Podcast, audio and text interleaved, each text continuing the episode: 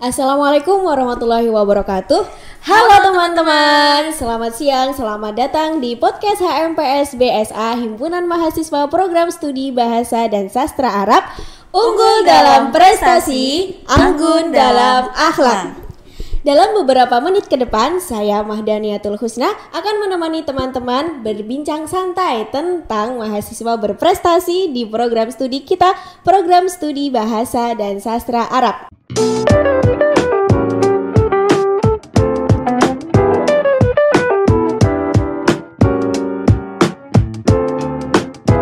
Oke, siang ini kita sudah kedatangan tamu nih yang sangat spesial, yang pastinya sangat berprestasi dan pastinya akan menginspirasi kita semua. Bagaimana sih cara menjadi mahasiswa berprestasi di program studi kita? Oke, langsung saja. Mari kita sapa. Halo Kak Manda. Halo Kak Manda. Baik, Kak Manda boleh dong uh, memperkenalkan diri secara singkat sekalian menyapa balik teman-teman kita semua. Oke. Halo teman-teman WSA, perkenalkan nama saya Zumrotul Imanda Wahid Hakim, biasa dipanggil Manda nih. Oke, saya datang dari Pemalang, Jawa Tengah, dan sekarang duduk di semester 5, angkatan 2019. Terima kasih. Oke, for your information nih ya teman-teman, Kak Manda ini udah beberapa kali menjuarai uh, lomba di tingkat nasional maupun di tingkat internasional terutama di cabang lomba baca berita bahasa Arab. Benar, ya kan Kak Manda? banget. Mm, baca ya. berita bahasa Arab. Nah gimana nih? Teman-teman pasti uh, apa kepo kan bertanya-tanya penasaran pastinya bagaimana sih caranya kok bisa uh, bisa ikut lomba baca berita Arab? Kan susah kan gini gini gini. Nah makanya untuk menjawab pertanyaan teman-teman simak podcast kita pada siang hari ini. Simak. Oke nih Kak Manda uh, kalau kita berbincang sedikit tentang program studi kita ya BSA itu alasan Kak Manda kok bisa sih memilih BSA sebagai uh, program studi yang mau kakak apa buat lanjut kuliah gitu? Oke, okay. good question. Jadi kenapa aku ngambil program studi bahasa dan sastra Arab ya? Karena sebelumnya aku pernah ambil studi juga di bahasa Arab, banyak belajar bahasa Arab selama 4 tahun kurang lebih. Itu aku nggak mau berhenti di situ aja. Jadi aku menjadikan program studi ini sebagai wadah atau fasilitas aku dalam mengembangkan potensi aku di uh, bahasa dan sastra Arab. Cuma yang paling yang harus digarisbawahi bahwa kenapa aku harus ngambil bahasa dan sastra Arab di UAD? Nah, itu karena banyak pengalaman-pengalaman dari kakak tingkat, dari alumni itu yang memberi apresiasi besar di bahasa dan sastra Arab. Jadi aku kepo nih, kok bisa ya? oh aku harus masuk nih gitu Baik, itu alasan yang sangat bagus ya untuk memilih BSA sebagai melanjutkan studi gitu. Terus uh, nih Kak Manda kan udah uh, sebelumnya udah pernah menempuh pendidikan di bahasa Arab ya kurang lebih empat tahun sebelum masuk di BSA. Nah ada pandangan sendiri nggak tentang bahasa Arab? Oke kalau dari pandangan aku sendiri bahasa Arab itu bahasa yang unik dan menarik why gitu? Kenapa? Kenapa bahasa Arab itu harus unik? Karena selain menjadi bahasa di kitab suci kita di kitab Al-Qur'an bahasa Arab juga mempunyai bentuk uh, huruf yang berbeda dengan bahasa yang kita pelajari ya. Kita akan belajar dari uh, huruf-huruf abjad A B sampai Z. Ini kita harus belajar bahasa hijaiyah. Oh, huruf-huruf hijaiyah mohon maaf. Dan dari situlah berangkat aku pengen tahu apa sih keunik keunikan lebih keunikan lain yang ada di bahasa Arab. Ternyata peradaban bahasa Arab itu pun juga menarik. Jadi aku aku apresiasi benar sih sama bahasa Arab. Aku suka. Oke, baik. Begitu teman-teman pandangan bahasa Arab dari narasumber kita pada siang hari ini. Oke, benar benar banget. Oke. Terus uh, kalau Kamanda sendiri bagaimana sih ada ada nggak masukan buat teman-teman terutama teman-teman mahasiswa baru kita ya uh, cara mahasiswa BSA sendiri mengoptimalkan bahasa Arab di ranah kampus di area kampus selain mendapatkan teori dari dosen itu kita harus praktek di kampus kah atau gimana biar optimal bahasa Arab kita itu? Oke, dalam mengoptimalkan bahasa Arab sendiri khususnya di ranah kampus yang perlu teman-teman mahasiswa ketahui bahwa ada banyak sekali metode, ada banyak sekali cara yang bisa kita pakai.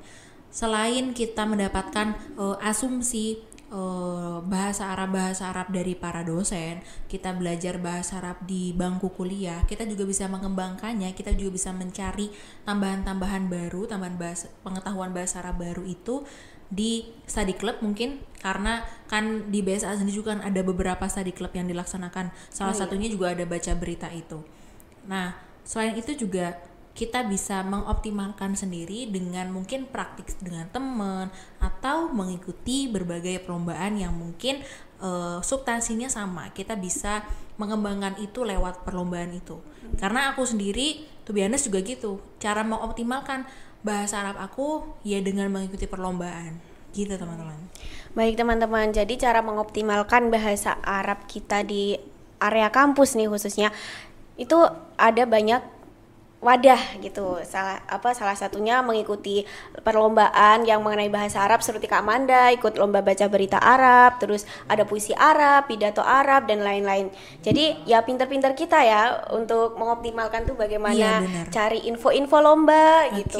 iya. mm. jadi dengan adanya fasilitas-fasilitas atau wadah seperti itu kita kembali lagi sih ke diri kita sendiri ya. Jadi teman-teman mahasiswa mau nggak dalam mengoptimalkan? Sebenarnya udah banyak jalan tergantung kembali kepada kita sendiri kita mau jalan di jalan itu atau balik kanan. Gitu sih teman-teman Baik, bagus sekali. Iya gitu Kak Mahda, gimana? Seru? Seru, oke. Okay. Okay. Di studi klub juga nggak kalah seru loh ya. Di studi klub ini uh, itu yang mewadahi SDM ya teman-teman di organisasi HMPS BSA ini sendiri ada baca berita Arab, terus apa puisi ada Arab, puisi, ada yang menyanyi Arab, ya, menyanyi ada Arab, kaligrafi, ada kaligrafi. debat dan masih banyak lagi. Hmm. Nih teman-teman yang suka menyanyi juga bisa gabung menyanyi Arab ya, jangan apa Inggris terus atau galau apa galau galau Adeline ya? yang terbaru uh, Oke, okay, terus uh, ini Kak Manda, kan Kak Manda nih suka ikut lomba-lomba gitu kan. Tiap hari nih apa saya lihat sendiri ikut tag video baca berita Arab, tag video lagi, tag video lagi. Nah, kayak gitu menghambat gak sih perkuliahannya? Kan uh, di sini kita tujuan utama kita kan kuliah ya. Nah, itu menghambat gak kegiatan perkuliahan? Oke. Okay. Ini jadi yang perlu teman-teman ketahui bahwa dalam mengikuti perlombaan, dalam mengikuti organisasi, dalam mengikuti banyak rangkaian kegiatan yang ada di kampus, itu kita jangan melupakan bahwa prioritas pertama kita adalah kuliah gitu. Jadi e, kalau pertanyaannya menghambat atau enggak, enggak karena kembali lagi aku sendiri alhamdulillah menjadikan kuliah itu nomor satu, yang lainnya baru. Jadi ada yang namanya skala prioritas teman-teman.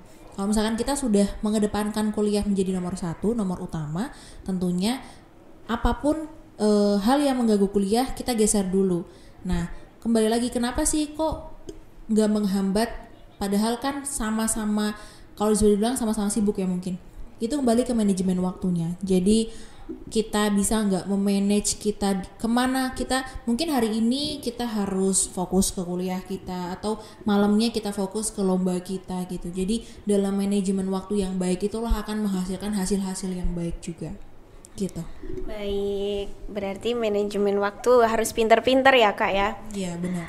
Terus nih uh, selain sibuk kegiatan lomba-lomba aku lihat-lihat akhir-akhir ini tuh kakak lagi sibuk kegiatan lain. BTW apa nih? Lagi sibuk kegiatan apa sih untuk saat ini? Ya, sekarang uh, untuk semester 5 ini alhamdulillah aku berkesempatan menjadi bagian di organisasi Badan Eksekutif Mahasiswa ya di Departemen SDM juga. Jadi oh. bagaimana cara aku memberdayakan mahasiswa adalah dimulai dari aku sendiri. Aku berdaya atau enggak gitu jadi ya mungkin itu satu alasan khusus.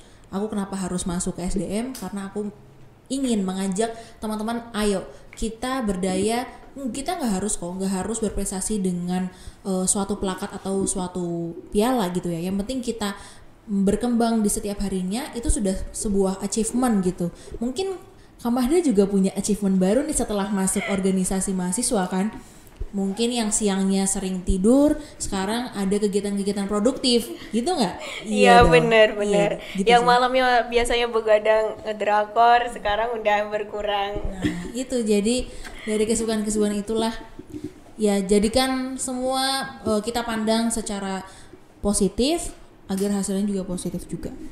Baik, terima kasih Kak Manda untuk beberapa trip tips and triknya bagaimana cara kita membagi waktu antara lomba, kuliah dan kegiatan organisasi gitu. Ada nggak sih moto hidup Kak Manda tuh punya moto hidup yang menjadi patokan hidup Kak Manda selama ini? Oke, ada satu kata-kata di bahasa Arab jarib walahid takun arifan yang artinya perhatikan, coba dan perhatikan maka kamu akan mengetahui. Sebenarnya kata-kata ini ajaib banget loh kak. Jadi aku pakai kata-kata ini buat eh, ketika aku mau memulai sesuatu tapi aku ada di ambang keraguan, aku ada di rasa insecure, aku ada di rasa takut nggak pede, bagaimana aku menghadapinya. Nah kunci dari coba dan perhatikan adalah sekeras apa pun eh, halangan atau sebanyak apa pun masalah yang akan nanti kita tempuh ya kita coba aja dulu jadi soal hasil itu belakangan soal menang atau soal gagal itu belakangan yang penting ketika kita mau coba berarti ada bukti progres yang terbentuk gitu kak Baik, jadi teman-teman itu adalah salah satu moto hidupnya Kak Manda. Boleh loh dicontoh ya. Jarib walahi takun arifan. Tadi apa artinya Kak? Coba dan perhatikan maka kamu akan mengetahui Mm-mm, jadi jangan eh, teman-teman jangan takut untuk mencoba hal-hal yang baru tentunya. Itu adalah salah satu kunci kita juga meningkatkan kualitas diri kita. Kak Manda mungkin ada nih sepatah dua kata untuk teman-teman semua. Oke, closing statement ya berarti masuknya. Teman-teman BSA, oke. Jadi sebenarnya berprestasi itu nggak hanya soal sertifikat atau plakat. Ini sebenarnya udah aku sampaikan ketika di P2K kemarin. Tapi yang perlu aku garis bawahi adalah kamu nih, kamu mahasiswa BSA mempunyai progres yang baru atau lebih baik daripada hari kemarin, bisa mengalahkan ego kamu. Itu adalah sebuah bentuk achievement yang gak semua orang bisa gitu. Jadi kalau misalkan ada rasa aduh aku nggak bisa apa-apa aku nggak punya eh, piala yang aku banggain aku nggak punya piagam ini gimana? Loh kalau misalkan kamu bisa lebih baik daripada hari kemarin itu adalah sebuah prestasi khusus buat kamu. Gitu jadi jangan takut untuk berprestasi ya.